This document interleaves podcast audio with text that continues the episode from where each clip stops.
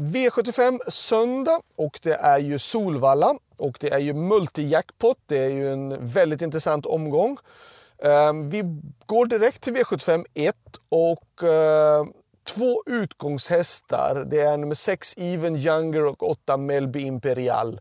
6 Even Younger är en fantastiskt fin häst som hade otur senast och blev hängandes ute i spåren. Inte så mycket att säga om. Ehm, intressant såklart, rankar och även rankar honom 1 detta tack vare det att han har framspår, springspår, medan då 8 Melby Imperial har fått ett bakspår. Melby Imperial var ju fantastiskt bra eh, senast då när han kom ut och eh, årsdebuterade och eh, vann från dödens på ett otroligt sätt. Men det är annorlunda förutsättningar den här gången. Vanlig vagn och bakspår i voltstart. Eh, men vill man gardera på med mer hästar då är nummer 4 Baltimore Face intressant. 7 Northman Maxus. Eh, Bust Driving, 9 alltså 7 och 9. Eh, och sen då där bakom rankar jag 12 Johan Hill som jag själv med eh, också. Han ska gå barfota runt om, han känns fin. Eh, men det är klart att som spår 12 eh, i, en V75, i ett V75-lopp är det såklart inte så lätt att komma till. Eh, men 6 och 8 är utgångshästar före 4, 7, 9 och kanske 12. V75 2, där ska vi ha flera hästar. Vi ska ha med nummer 2, Money Smile, 3 Holy Ground, 8 Global Above All, 9 Melby Indigo, 10 HC's Crazy Horse och 12 One Crystal. Så 2, 3, 8, 9, 10, 12. Det här loppet är svårt tycker jag. V75 3 är ju lite annorlunda bronsdivision för det är så att stona får lov att ha eh, mera, betydligt mera prispengar på sig än hingstarna och vallackarna i, här omgång, i det här loppet. Och det är då nummer tre Heroin Darling, eh, åtta Perfect Face och nio Betting Pacer. Eh, och eh, Betting Pacer, som jag själv var med, hon känns jättefin i träning men hon har ju dragit ett bakspår på 1600 meter bil och det är klart att det drar ner på chanserna kraftigt. Um, så jag, jag har valt att plocka med tre Heroin Darling för att hon har det perfekta utgångsläget och sen då nummer åtta, I'll find my way home, som är en jättefin häst. Ju. Och de har ju de perfekta utgångslägena, de bästa spåren på Solvalla. Det är ju ändå de här 3, 4, 5 som är de bästa spåren bakom bilen. Uh, så att, ja, tre Heroin Darling och fyra I'll find my way home. Vill man plocka med någon mer häst då så är det där åtta Perfect Face. Hon är ju också jättebra, men hon har ju hon har ett framspår men hon har ju dragit spår 8 bakom bilen. Även med nummer 1 Abyss Wise Ass, men det är klart att eh, han är inte jättesnabb ut och det är klart att det är tuffa motståndare. Men tre och fyra är utgångshästarna.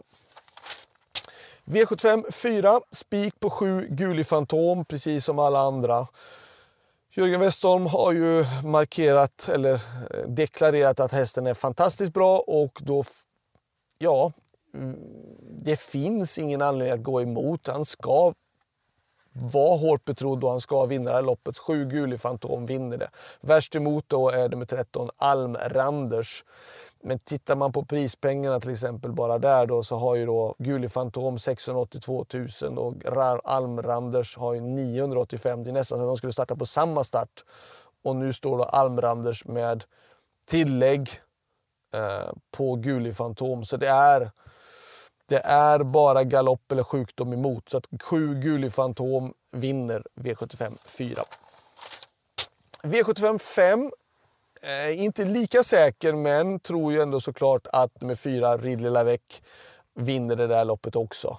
Eh, ska gå barfota, perfekt utgångsläge, spår 4 bakom bilen. Visst, det finns motstånd och det är ju då nummer två Mr McCann som gjorde ett bra lopp på Färjestad senast. Eh, och nummer tre Hannibal Face som vi vet besitter jättehög kapacitet. Så att fyra, tre, två rankar jag loppet. Jag har med nummer 11 Frodo S. Men från spår 11 i silverdivisionen så är det lite för tungt jobbat tror jag, tyvärr. Eh, det blir svårt att kunna liksom komma till därifrån och det är en årsdebut också. V75 6.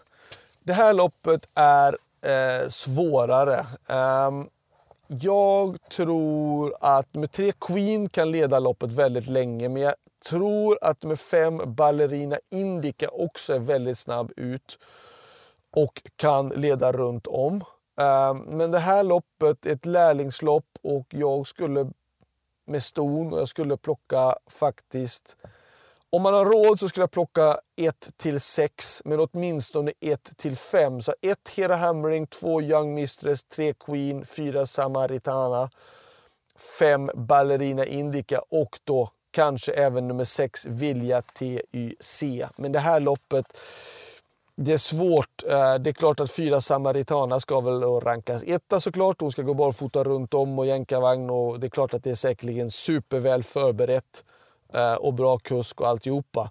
Men jag tycker att de här stona, de är ganska jämna allihopa. Det skiljer väldigt lite mellan dem och um, jag skulle ta fem eller sex hästar. V75 7. Uh, eh, gulddivisionsförsöket, eller ja, försök till uh, Paralympiatravet.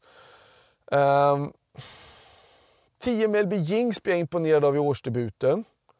Eh, 11 Mr Hercules är ju årsdebut den här gången men vi vet ju vilken kapacitet han besitter. Eh, 5 miljon dollar Rhyme har det perfekta utgångsläget. Eh, Tre Ultion Face fick inte till det senast men har också ett bra intressant utgångsläge.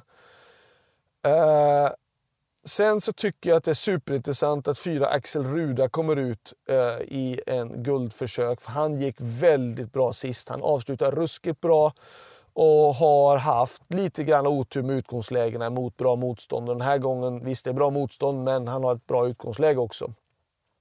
Eh, Varningen, du kan jag tycka att det är nummer sju, Missile Hill ändå, för att han är också en, en, en bra häst Jo, det är ändå en Daniel Redén som gör årsdebut.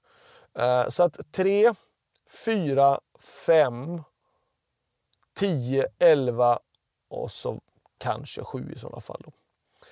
Uh, slutsummering. Ehm, bästa chans jag har tyvärr ganska så tunt med chanser. Jag har svårt att ge någon riktigt bra chans. Jag tycker såklart att i avdelning 3, de 9 betting pacer, känns jättefin i träning. Ehm, så det kanske jag kan tycka att det är i sådana fall den som är mest intressant. Och bästa spiken är ju såklart då, utan tvekan i den fjärde avdelningen nummer sju, Guli Fantom. Så det var allt. Lycka till! Hoppas att ni får en god hjälp på vägen. Och så har ni ha en fortsatt trevlig påsk. Ha det bra! Hej då!